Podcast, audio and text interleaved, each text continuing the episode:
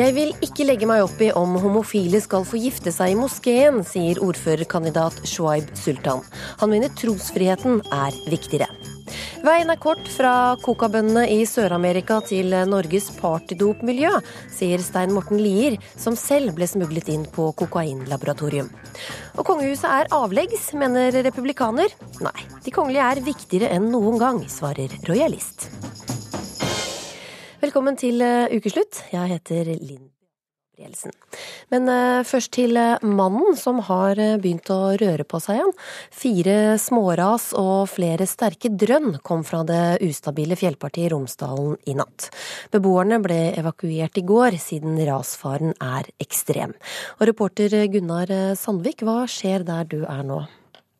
Her står mannen eh, fortsatt. Vi ser den på toppen her nå, innimellom regnbyene som kommer og går oppover Romsdalen. Og eh, ja, akkurat nå så har det regna bra en liten stund etter at det har vært rolig en stund utover formiddagen også. Men regnværet betyr vel alt for hvor stor bevegelse som blir i dette fjellpartiet. Denne delen av mannen som man nå bare går og venter på skal falle ut. Men uh, siden de fire steinstrandene vi hørte i natt, Eh, der det var en god del drønn og lyd og skremsler ifra den, så har mannen foreløpig vært rolig så langt utover dagen. Sivilforsvar, politi er på plass, følger, lytter opp etter lyder. Eh, Mye er evakuert fra gårdene som ligger under der. Vi bare venter her og vet ikke hvor lenge det vil ta før deler av mannen faller ut. Mm. For snart uh, ett år siden så varslet også geologene et stort, at et stort eh, skred var få timer uh, unna. Hva er det som er annerledes denne gangen? Det er nøyaktig det samme partiet som vi sto her for snart et år siden på samme sted og rapporterte. og Vi sto og venta og trodde det bare var timer før det skulle komme.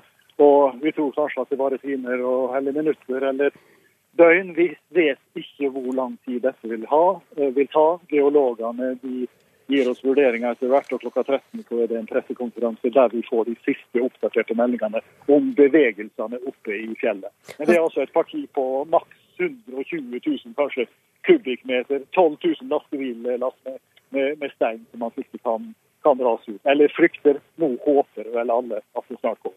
Hmm. Tusen takk så langt, reporter Gunnar Sandvik. Vi kommer tilbake til deg når pressekonferansen er i gang. Er homofili synd? Det har eh, ordførerkandidaten til eh, Miljøpartiet De Grønne, Shoaib Sultan, måttet svare på etter eh, partiets brakvalg denne uka. For da han var generalsekretær i Islamsk råd, sa han nemlig dette. Islamsk råd har jo tidligere også sagt at vi ikke ser homofili som forenlig med islam. Velkommen hit, Shoaib Sultan. Homofili er ikke forenlig med islam, sa du i 2010. Hva mener du i dag? Ja, eh, og det var jo det synet som på en måte eh, medlemsorganisasjonene i Islamsk råd, som er en paraplyorganisasjon, hadde. Og det var det synet jeg målbar på vegne av de. Mm. Men har du personlig endret mening? Personlig må jeg innrømme at tidligere så har jeg ikke hatt en veldig avklart forhold til det. Rett og slett fordi jeg ikke har måttet forholde meg til det. Uh, over tid så har jeg tenkt mer på det, og synet mitt har både utviklet seg og modnet med tid. Og nei, i dag så mener jeg ikke det. Men Betyr det at du heller ikke mente det den gangen, egentlig? Egentlig ikke. Men, men uh, som sagt, uh, jeg hadde nok egentlig ikke tenkt så veldig mye over det. Altså, jeg har hatt homofile venner hele livet, men, men det, dette var liksom aldri Deres uh, seksuelle legning var jo aldri et tema jeg brød meg så veldig mye om. Og det er liksom litt av utfordringen, kanskje, at, at man som, man som ikke-homofil, eller eh, egentlig, det, gjelder jo egentlig alle minoriteter. At når du ikke er innenfor, så ser du ikke de utfordringene. Rett og slett fordi du ikke møter dem. Susanne Demo Øvergård fra Skeiv Verden, en eh, organisasjon for eh, lesbiske, homofile, bifile og transpersoner med minoritetsbakgrunn. Hvor viktig er det at Sultan er tydelig på dette spørsmålet nå? For oss er det veldig viktig. Eh, vi i Skeiv Verden har hatt et nært og, og tett samarbeid med, med Sultan eh, gjennom en årrekke. Eh, sånn at for oss som har vært aktive i Skeiv Verden, og for de muslimene som vi treffer, og andre LHBT-personer, har jo vært ganske trygge på han, hvor hans ståsted har vært i det her. Men det er klart at vi ser at det har vært et behov for at han skulle være veldig klar på hva han mente om det. Eh, skuespiller og nyinnvalgt Høyre-politiker Geir Kvarme har sagt denne uka at han ikke helt tror på det, at det bærer preg av et eh, politisk eh, rådgiverkorps. Er dette en måte for deg å gjøre deg mer spiselig som ordførerkandidat? Nei, det er jo ikke det. Som Susanne også nevner, så har vi jobbet med dette i lang tid sammen.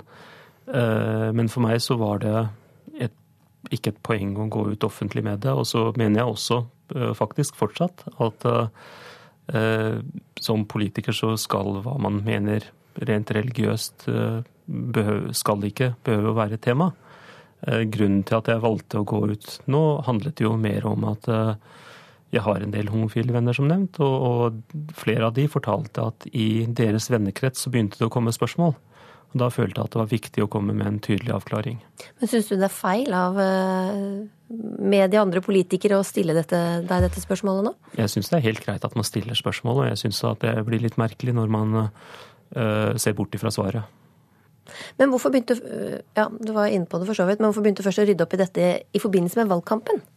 Det var jo ikke i forbindelse med valgkampen, det var i forbindelse med valgkampen at saken kom opp igjen.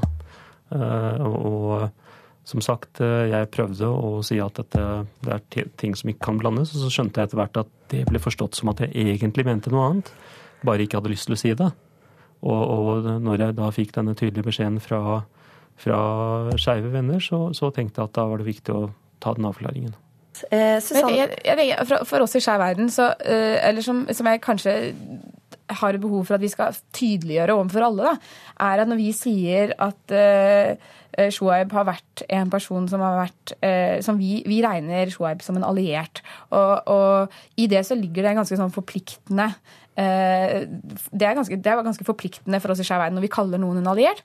Og det, han har vært aktiv i Skeiv Verden, i vår organisasjon. Han har aktivt deltatt på våre arrangement. Han har vært nysgjerrig. Han har deltatt når vi har hatt besøk av homofile, homofile muslim, eh, imamer som har kommet til Norge. Så har Shoaib kommet, han har stilt spørsmål, han har brukt av tiden sin til å gjøre det. Så vi, så vi er ganske trygge og ønsker på en måte understreke det eh, når vi da igjen skal sitte og måtte svare på det spørsmålet igjen og igjen. Jeg syns det er riktig av media å, å stille han spørsmålet, for det handler om et verdisyn som, som er viktig for eh, store deler av Oslos befolkning. Eh, men igjen så må vi på et eller annet tidspunkt også si at ok, nå har vi fått svaret vårt, og så må vi heller eh, la han få lov til å vise at han faktisk mener det er i handling, istedenfor at vi skal sitte og, og, på en måte ha fokuset og stille spørsmål igjen og igjen og begynne å tvile på hans oppriktighet i det han sier. Du sier at homofile skal ha de samme rettighetene som andre. Skal de kunne gifte seg i moskeen også, syns du? Når det gjelder eh, trossamfunnene, så mener jeg eh, at det begynner å gå på, på spørsmålet om trosfrihet. Eh, og jeg mener at alle ulike trossamfunn må selv kunne bestemme dette. Hva synes du? Ønsker om dette kan gjerne komme innenfra, og da skal de ha støtte fra det politiske hold. Utover det så mener jeg som politiker at det blir helt feil å legge seg opp i hvordan det enkelte trossamfunn forholder seg til dette spørsmålet. Det er mange politikere som nå legger seg opp i kirkevalget f.eks., som ja. handler om og jeg, mye av det samme. Jeg, jeg er uenig i at man skal gjøre det. Jeg syns at det er helt greit å støtte når det kommer stemmer ifra de miljøene eh, som ønsker dette. Så syns jeg det er viktig å støtte de. Men utover det så føler jeg at uh, det blir helt feil fra politisk hold å begynne å mene noe om hvordan trossamfunnet skal, eh, skal behandle dette spørsmålet. Men er det ikke nettopp det som er å ha like rettigheter som eh, andre, som du også sier jo. du kjemper for? Jo, men dette handler jo også om Det, blir et krysspress av ulike, ulike rettigheter. Eh, og her tenker jeg at man går litt over dette med, over dette med trosfrihet, og at da, da, er det et viktigere poeng. Mens, mens jeg mener at homofile skal kunne gifte seg. Eh, og, og eh, hvordan det enkelte trossamfunn forholder seg til det, det må, det må de selv ta stilling til. Men du er ikke redd for på den andre siden å skyve fra deg en del konservative muslimer ved å si at det ikke er synd? Eh, det er jo snakk om mitt personlige syn på dette, som egentlig har vært tydelig ganske lenge. Selv om jeg ikke har villet tatt i synbegrepet, som jeg føler at blir teologisk, så har jeg jo sagt at jeg støtter like rettigheter for homofile, og det har jeg gjort i veldig lang tid. Så en så veldig stor overraskelse for de fleste tror jeg det ikke blir. Men er du redd for å skyve noen fra deg? Eh, Vær så tydelig nå. Jeg eh, har jo hatt en rolle som brobygger som jeg håper å kunne fortsette med, men som kanskje blir svekket av dette. Eh, hva tenker du om at Sultan her sier at han ikke skal legge seg opp i mm, om hvorvidt moskeene bør gifte eller homofile gifte seg i moskeen? Jeg ser ikke et behov for at det er han som skal ta den debatten. De, altså, Politikere generelt, da. Ja, men eh, mens det har tatt lang tid for politikere, eh, andre politikere å skulle mene eh, om, om, Kirken, og de har kanskje ikke kommet på banen så veldig tidlig. De kom på banen senere, når det var selv eh, Åpen kirkegruppe og andre eh, LHBT-personer innifra, eh, nettopp som, som Shoaib sier her, som selv tok initiativ til det, og så fikk de støtte av politikere. Altså når, når Kleppa i 2008 kom ut og sa at hun fra å være svært negativ til at LHBT-personer personer skulle få lov til å gifte seg, sa ja. Så tok vi imot henne med stormende jubel og var veldig glad for at hun da eh, endret mening. Og jeg, synes, og jeg skulle ønske at vi heller kunne omfavne Shuaib eh, og si at vi syns det her er flott at du har tatt det skrittet, eh, og heller ikke ødelegge for strategien. Altså, vi ødelegger jo, og hvem er det som har lyst til å gå etter Shoaib og, ta, og gå ut og si, at de, eh, si dette? Eh, vi vil jo at andre skal følge etter han, men guri meg for en respons. Jeg skulle ønske at vi heller bare var glad for det, og så kan vi heller senere begynne å arrestere han og følge med på han og, og, og se om han virkelig viser med handling og med da Hvis han får ordfører og blir ordfører i Oslo, får vi se da, om han virkelig også da dukker opp på arrangement og, og, fortsetter det arbeidet. Og hvis han ikke gjør det, da kan vi sette oss ned her igjen og, og begynne å diskutere de tingene. Du kalte også Kvarmes kritikk for eh, drøy da du hørte han på raden her forleden. Men er ikke denne kritikken som har kommet nå, såpass du må tåle når du stiller opp som ordførerkandidat? Jeg syns at det er helt greit at han mener det han mener. Det jeg syns blir litt problematisk, er når man begynner å mistenkeliggjøre og, og, og, på en måte spinne på konspirasjonsteorier om, om, at jeg ikke sier det jeg egentlig mener, eller at, jeg, eh, at det er rent taktisk. Fordi, fordi hvorfor stille spørsmål når man ikke tar imot svaret? Takk skal dere ha, Shoaib Sultan og Susanne Demo Øvergård. Nå til 80-tallets eh, store narkobaron Pablo Escobar. Imagine you were born in a poor family, in a poor country. And by the time you were 28 years old, you have so much money you can't even count it. Señores, yo soy Pablo Emilio Escobar Gaviria. We were witnessing the formation of the famed Medellin cartel. There was Jose Rodriguez Gotcha, the Ochoa brothers, and last but not least, Pablo Escobar. Before long, the narcos pulling in $5 billion a year. And that America can take.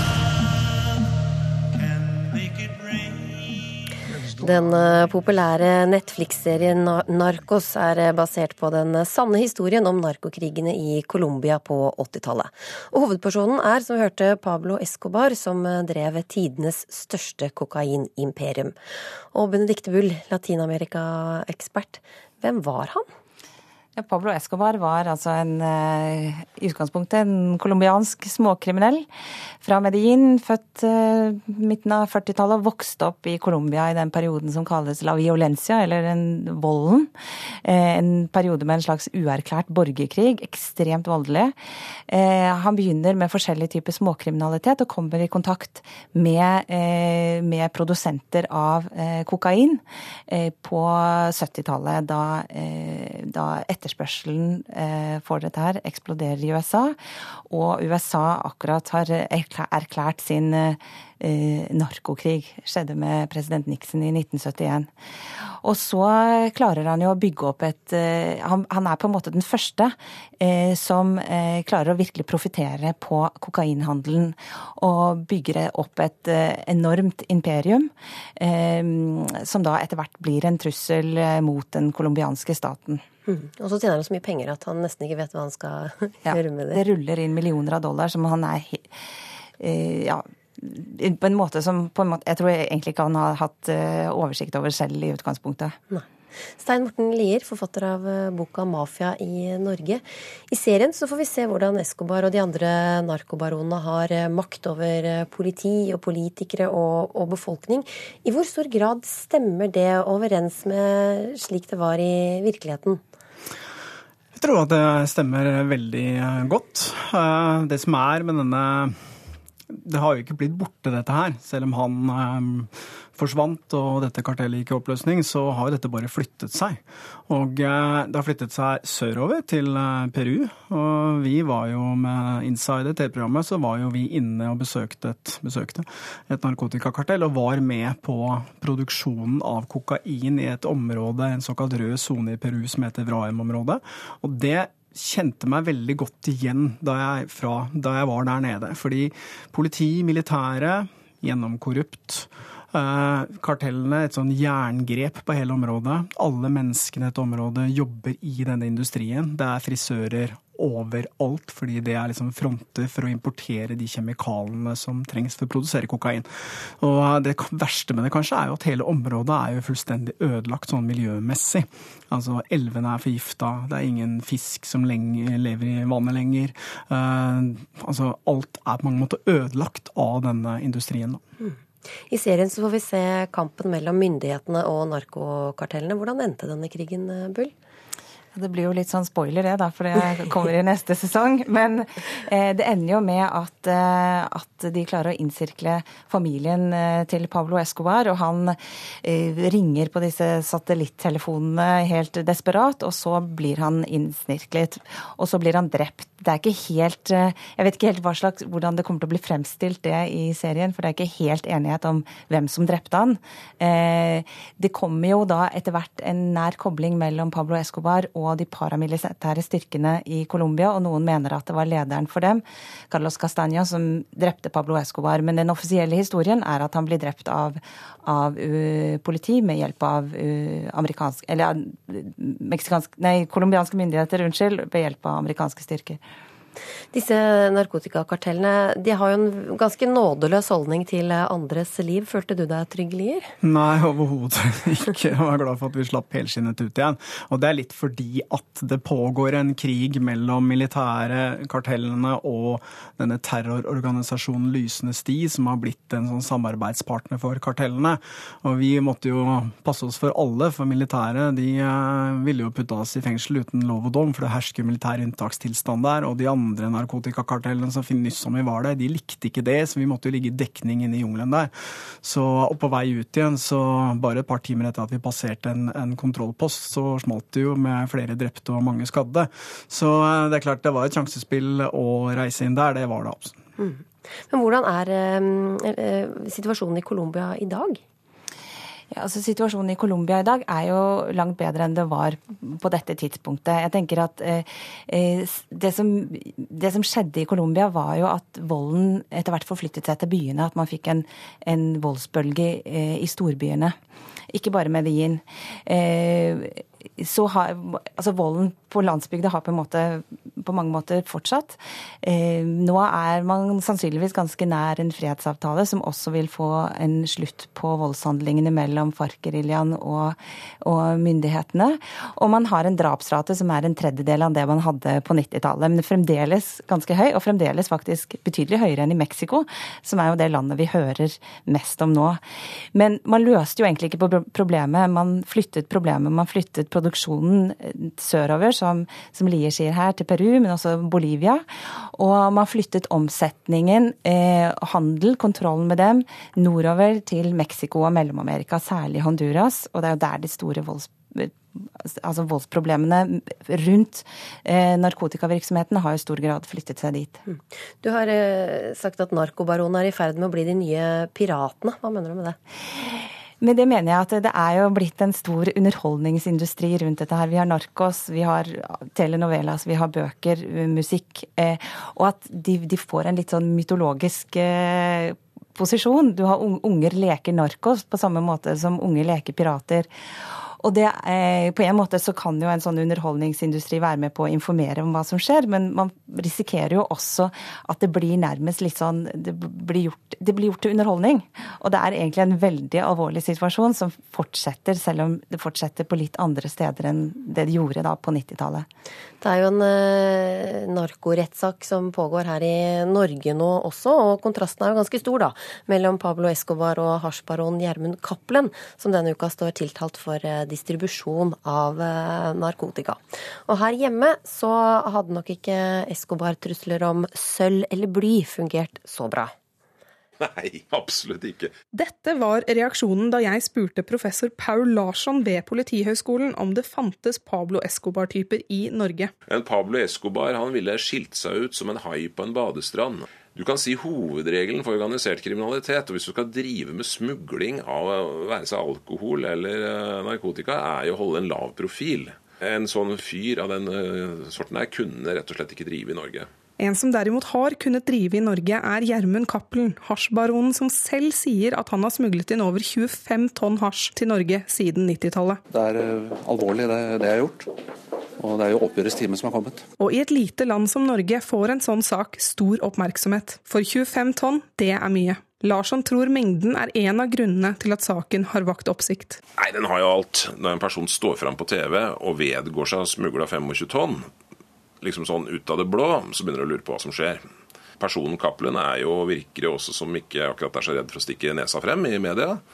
Han kommer fra et miljø som liksom er uvanlig å assosiere med det her. Det er snakk om store volumer. Og så selvsagt er det knytningen opp mot eh, Erik Jensen. Så det, det, det, har jo mange ingredienser her som gjør at det, eh, det vekker interesse.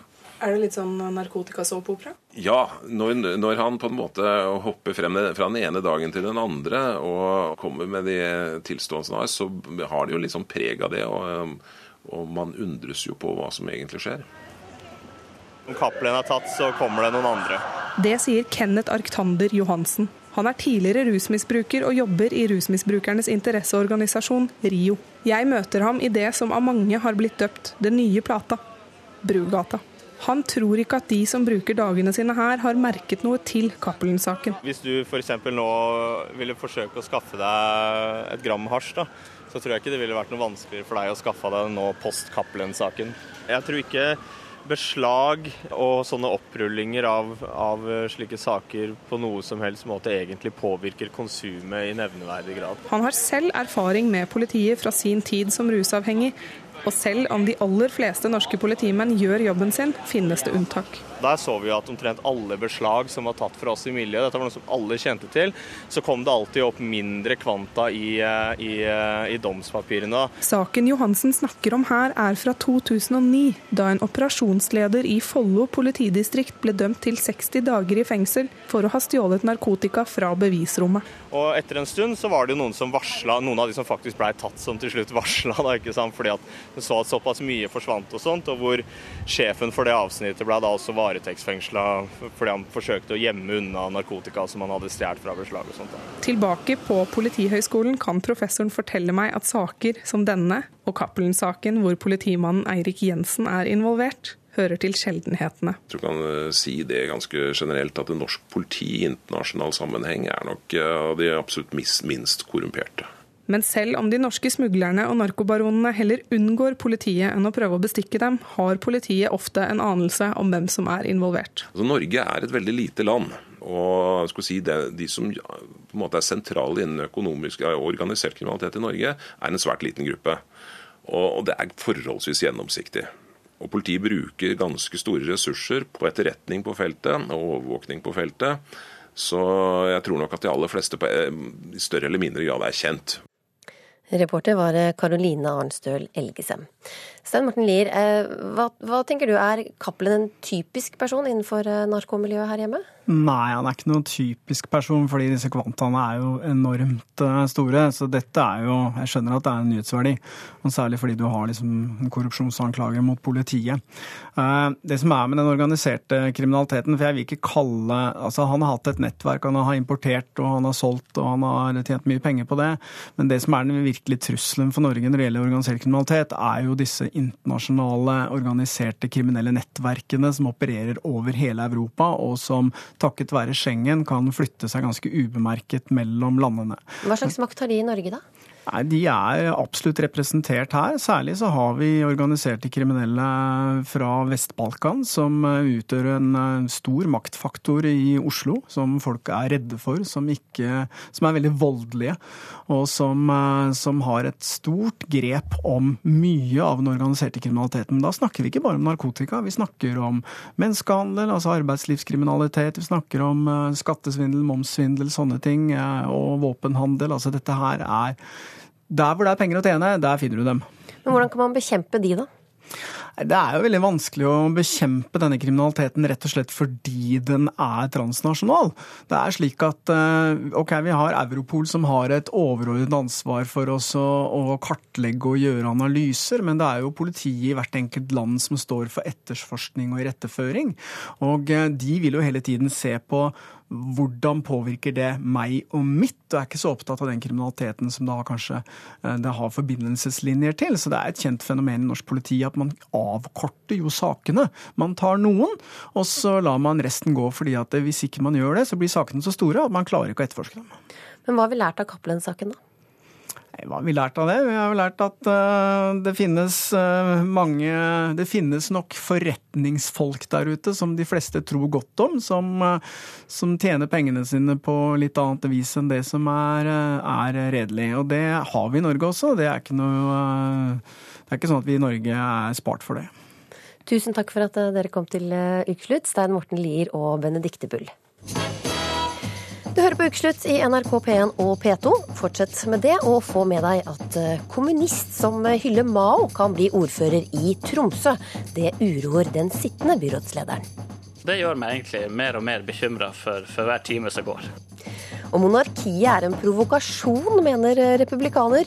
Når eh, kongen inviterer til fest på Slottet, stiller selv republikanerne opp i finstasen, svarer rojalist.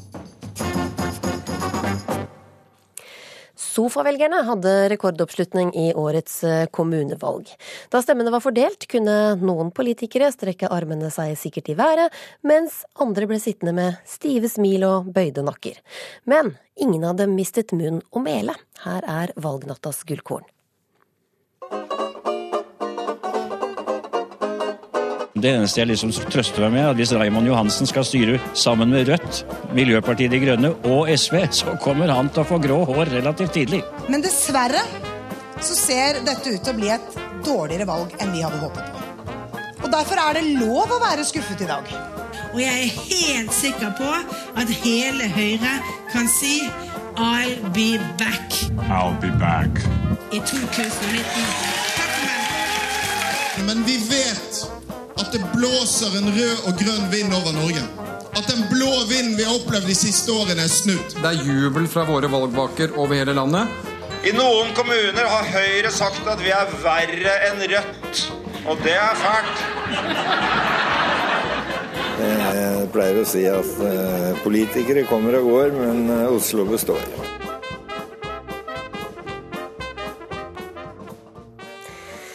En eh, annen som kommer med friske uttalelser, det er mannen som kan bli Tromsøs neste ordfører. Han sier han er eh, kommunist, og mener Mao var en stor frigjøringsleder. Men hva vil skje med Tromsø hvis eh, ordførerkjedet havner rundt halsen på en kommunist? Vi sendte reporter Runa Rød til Tromsø. Frem kamerater, frem mot krigerånden, frem mot vold og barbari. Vi er i Nordens Paris. Tromsø i strålende høstsol. Rødt-politiker Jens Ingvald Olsen har vært på møte med sine kommende maktfeller, Arbeiderpartiet og Sosialistisk Venstreparti.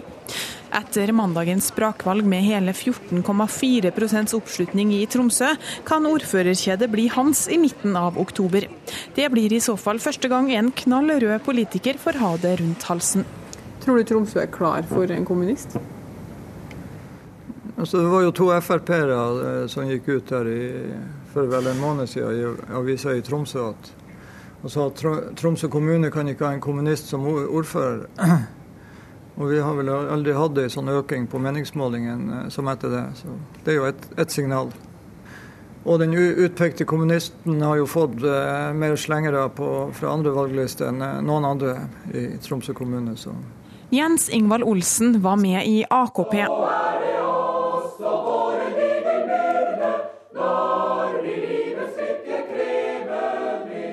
Mener den kinesiske diktatoren Mao var en stor frigjøringsleder, noe som kom klart fram i Dagbladet på valgdagen. Han er kommunist og står for det. Det har gitt den mye oppmerksomhet.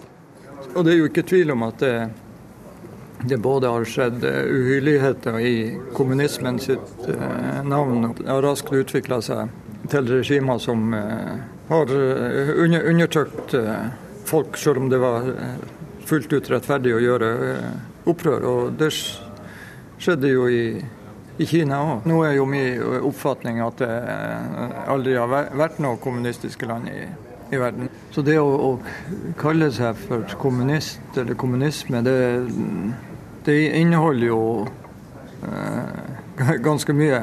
Til daglig sitter han på det han selv omtaler som rådhusets minste kontor i første etasje.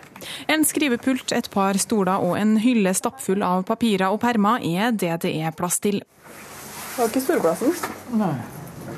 Det aller meste av det som det innebærer å kalle seg kommunist, møter en god del kritikk. En av kritikerne sitter noen etasjer over Olsen på et litt romsligere kontor med både møtebord, sofagruppe og utsikt. Vi snakker om nåværende byrådsleder for Høyre, Øyvind Hilmarsen. Det er klart at eh, det begynner kanskje å synke inn også for meg at dette blir virkelig mørkerødt. og, og en en kommunist som hyller Mao, eh, bl.a., eh, vil jo forsøke å få gjennom sin politikk. og det jeg frykter nei til veldig mange prosjekter som er på gang. Jeg frykter at Tromsø stopper opp.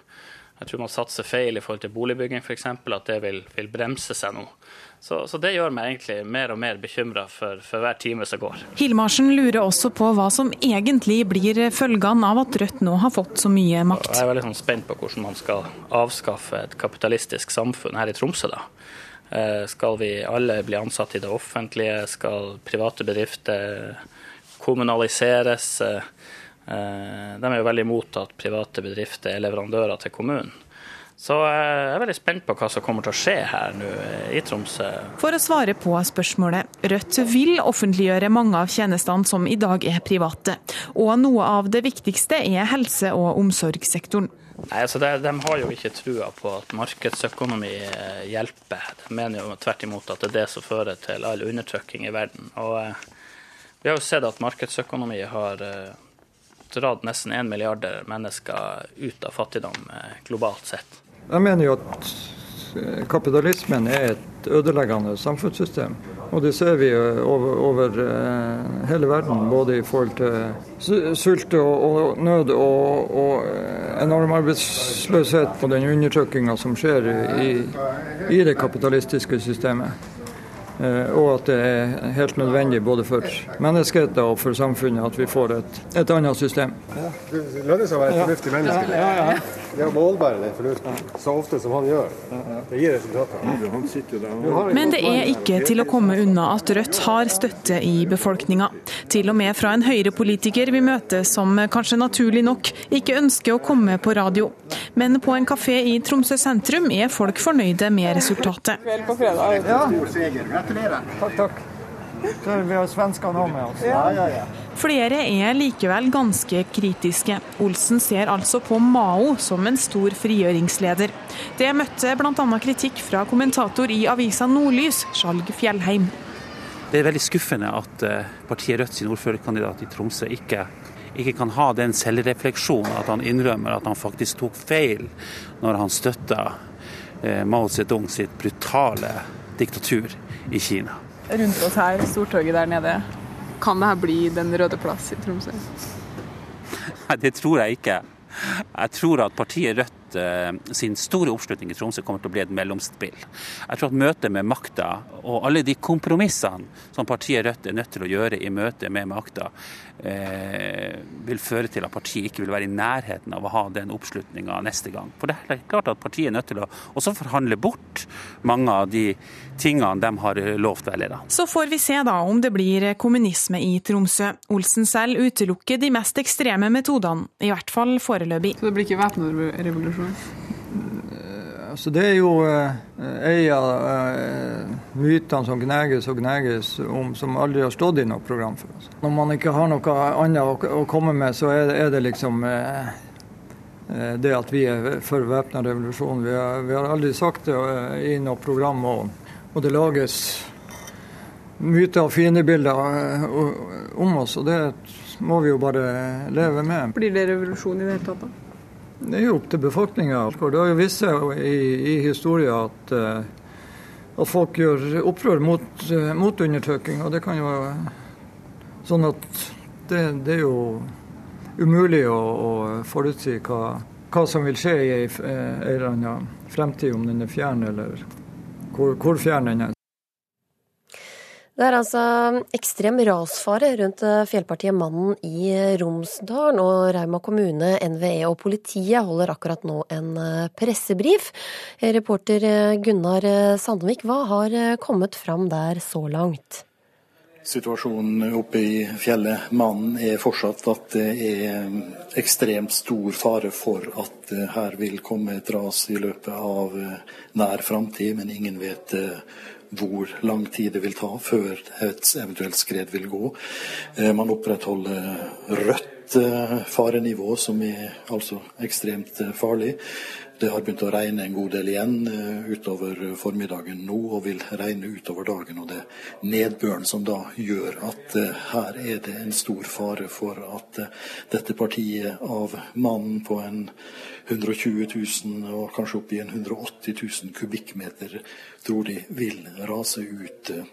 Det tre scenarioer som man nå eh, regner med, ifølge sjef geolog Harald Blikra i NVE. Det at det fortsetter å sige sakte, nå ca. 5-6 cm i, i døgnet. At eh, hastigheten eh, øker på på utglidinga av dette fjellpartiet, eller at dersom det da slutter å regne og blir tørt igjen, at det hele vil roe seg ned litt. Så ingen umiddelbar eh, situasjon som sier at her er det dramatikk og vil rase ut, men man venter, det siger sakte, og ingen vet egentlig hvor lang tid det her vil ta. Hva har myndighetene gjort da for å forberede seg på det som eventuelt eh, kommer? Man har iallfall forberedt seg på den måten at man har fått eh, alle mennesker og dyr som man har kontroll på, vekk ifra det området som kan rammes dersom det blir et, eh, et større ras. Ni evakuerte som eh, kommunen, Rauma kommune nettopp har hatt møte med, og de har hatt ei grei natt og har funnet sted å overnatte. Men det er selvfølgelig frustrerende for dem å, å gå og vente og ikke vite når dette skredet vil komme ifra Veslemannen, som vi sier da egentlig kaller det dette. For det er jo ikke sjølve hovedfjellet som, som, vil rase ut, men deler av eh, fjellet. Men eh, de evakuerte de blir tatt eh, godt vare på. Ja, Du sa tidligere i sendinga at de, de håper at fjellet vil rase? Det gjør alle nå, for uh, nå har det gått uh, ja, For et års tid siden så var jo situasjonen akkurat den samme. Veldig frustrerende og vanskelig for de som bor innenfor området der, og aldri vite når dette kommer. Uh, alle vet, eller ifølge geologene, at det før eller siden vil komme, og da er det like bra at det kommer nå, enn at man skal gå og, og vente i det uendelige. Mm. Mens man har gått og, og ventet dette året, hvordan har ståa egentlig vært? Det har iallfall skjedd det at eh, NVE eh, går enda grundigere inn med utstyr som overvåker dette området, slik at man vet stadig mer om alle bevegelser, måler de minste små bevegelser i fjellområdet, og føler derfor man har en, en god kontroll, i alle fall til å til å kunne varsle og til å nå kunne si at det er et ekstremt høyt farenivå, et farenivå rødt, som man velger å opprettholde inntil videre. Og Hvilke konsekvenser frykter man? Konsekvensen kan i verste fall eh, bli at, eh, at, det går et skred som tar gårdene som ligger nedenfor dette området. Det kan gå over Raumabanen, over toglinja som er stengt nå, og som det ikke går tog på inntil videre. Så har vi elva Rauma, som det er lite sannsynlig at et skred fra denne veslemannen vil nå ned til. Men skulle et skred nå ned til elva Rauma, så kan jo den bli oppdemma. Men det er altså ikke situasjonen slik man vurderer det nå. Europaveien E136 går på andre sida av Rauma, og man regner med at det ikke er fare for, for at et skred vil nå fram til den uansett, og derfor går trafikken fortsatt normalt gjennom Romsdalen. Tusen takk skal du ha, reporter Gunnar Sandveik.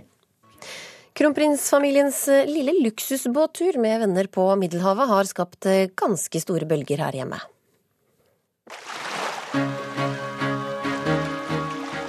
For oss så var jo det en invitasjon av en venn av oss, så vi eh, var på besøk da, noen dager.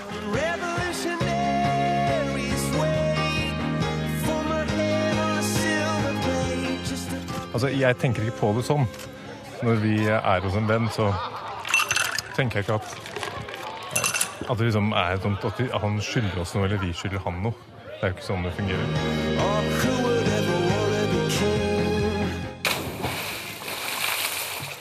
Vi ble kanskje ikke så mye klokere etter at eh, kronprinsen gikk ut og forsøkte å forklare, og flere røster hevder nå at tida er inne for å avskaffe kongehuset her til lands. Pål Lidenskov, du er eh, til vanlig lege på Rikshospitalet, og du skrev i Dagbladet denne uka at kronprins Haakon bør abdisere, noe han vel strengt talt ikke kan før han har blitt konge. Men hvorfor mener du det? Nei, for meg er jo dette med monarkiet det er jo en helt utløpt på dato. Det er i strid med på en måte mitt syn på mennesker og et demokratisk samfunn hvor alle mennesker står likt. Og man kan ikke arve et embete, for det er veldig enkelt for meg. Mm. Forfatter Frode Saugestad, er ikke tiden overmoden nå for å avskaffe denne gammeldagse statsformen? Jeg syns nesten det er enda viktigere å ha kongehuset i dag enn, enn på mange år. Kanskje for 100 år siden var det sånn, vært en grei tid å avvikle det på, men mange ting jeg syns taler for kongehuset. Kanskje det aller viktigste er liksom et folkehelseperspektiv. Men Hvordan påvirker det folkehelsa vår? Tenk deg den gleden da, folk opplever i ei lita bygd når kongehuset kommer på besøk. Det er en verdi. Jeg husker første gang jeg flytta til Oslo. Jeg er en bygdegutt sjøl. Nypussa strigla i bunaden min.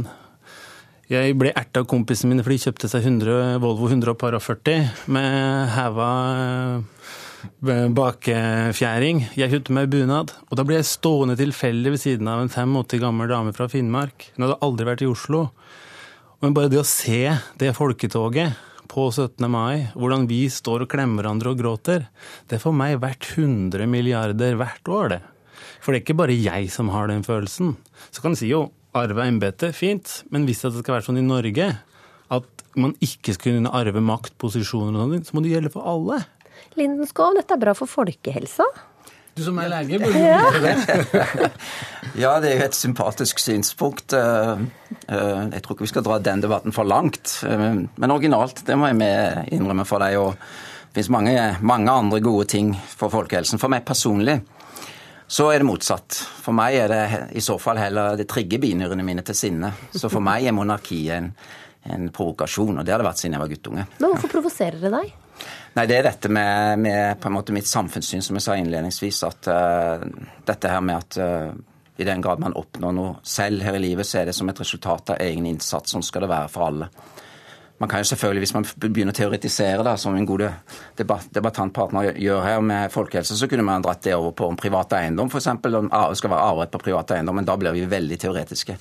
For meg er det feil at noen kan arve et embete, og symbolsk helt galt i et demokrati at han har som øverste representant eh, i statsforfatningen en som har arvet et embete.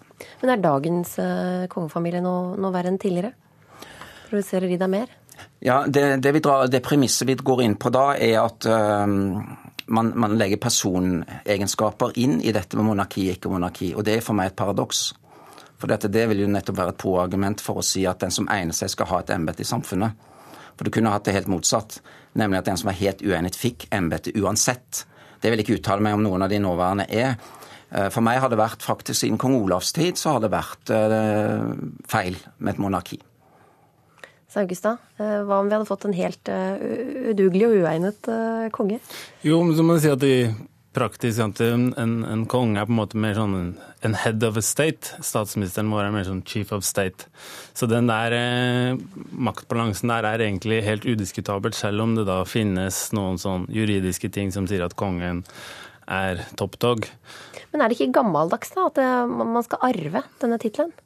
Jo, og, og alt det der ser jeg, men da må det også gjelde for samtlige andre innbyggere i dette landet. Altså, Kronprinsen kan ikke noe for at han er født i den posisjonen han er. Uh, og det er mange andre som arver posisjoner og makt og innflytelse i samfunnet vårt, og da må det være jevnt for alle. Samtidig vil jeg si det at en av disse tingene at jeg hører at å, de må abdisere, abdisere, og de virker som at de ikke tenker over dette. Jeg synes det er mange av disse Anne Holt også var ute i dag og sier at ja, må du abdisere, men det virker som at det er sånn um, At de ikke tror at det faktisk er tanker som kongefamilien faktisk, og deres ansatte faktisk er innom. Uh, hva er vår posisjon i samfunnet i dag, hva skal vi gjøre med det? Noe som jeg syns er litt sånn arrogant på en, på en måte. Ja, Hva sier du, Lindenskov? Nei, er selvfølgelig for en gangs skyld enig med Holt. Uh, at uh, rent stats, altså sånn, Hvis man går inn på det rent tekniske, så kan man jo selvfølgelig ikke, som du sa nettopp, så er det ikke kronprinsen som uten videre kan abdisere og sånn og sånn. og sånn. Han kan ha ønsker og han kan signalisere det. Det er noe for statsviter, en rent teknisk sak. For meg dreier det seg om helt enkelt ideelle i hva slags samfunn vi har, og hvem vi har på toppen. I, i forhold til uh, at det, er, at det er en hva skal jeg si, et samsvar i samfunnssyn og menneskesyn her. Eh, man kan jo, Det er interessant det du sier, Saugstad, med, med, andre posisjoner som arves og sånn og sånn, men jeg føler det blir litt langt å dra det litt langt. For eksempel, man kan si, Da kan man gå helt ned på nivå med igjen dette med arv, odelsrett og sånne ting. I prinsippet, jeg ser den. Hvis du hadde hatt ideell anarki, så hadde vi vært der. Det er et stykke fram dit. Først må vi bli kvitt monarkiet. Saugestad, Stortinget bevilget altså 227,8 millioner kroner til kongehuset i 2015, men så har vi ikke rett til innsyn i å se hvordan de bruker pengene. Vi ante ikke noe om denne båten og, og bindinger eh, som de eventuelt hadde der, og det er i motsetning til andre offentlige institusjoner. Eh, viser ikke det hvor utdatert eh, hele institusjonen er? Jo, men kan man si at eh, hva bruker kongehuset pengene sine på? Jo, majoriteten går til å vedlikeholde eiendommer. Og vi vil ikke latt Slottet stå og forfalle, selv om det var en president der. Eh, hva kongefamilien bruker sine private penger til, mener jeg er helt privat. Eh, kongen og dronninga er eh, ja, lønna, da, for å si det sånn, som en middels elendig norsk næringslivsleder. Fire-fem millioner i året. Kronprinsen har enda litt dårligere lønn. Så hvis de bruker sine penger på hva de vil, det er helt greit. Men majoriteten av kongehuset, og det pengene går til, går jo til å opprettholde mange av de byggene. Kanskje båten kunne man ha kvitta seg med hvis vi fikk en president. Men dette er jo representasjonsboliger som brukes av hele embetsverket i ulike sammenhenger når vi har gjester, folk vi vil sette ekstra pris på, tar turen til Norge. Mm.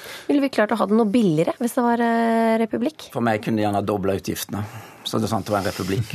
Min store, min store forbilde Fridtjof Nansen var jo egentlig også i sin tid eh, bekymret for utgiftene med presidentskap. Men han, grunnen til at han agerte i 1905, var jo først og fremst en midlertidig, hva skal vi si, en, en pragmatisk tilnærming til dette med å sikre Norge som stat i en urolig tid. Rent historisk er vi med respekt uenig med Saugstad der at den gang tror jeg nok kanskje monarkiet hadde en betydning, men det er for lengst utdatert den historiske situasjonen i forhold til det. Men kan man si at Det er veldig morsomt da, med en gang kongen inviterer til fest. Jo, da kommer alle journalistene og alle politikerne alle kritikerne løpende. Tar de på seg finstasen og knytter slipsknut på nytt og til og med pusser skoene sine, som de sjelden gjør i dette landet. Så da er det gøy å være med. Men eh, da ryker prinsippene ut, ikke sant. Så det syns jeg bare er tullete. og Veldig enig med Saugstad der. Det er mye majestetsmisk.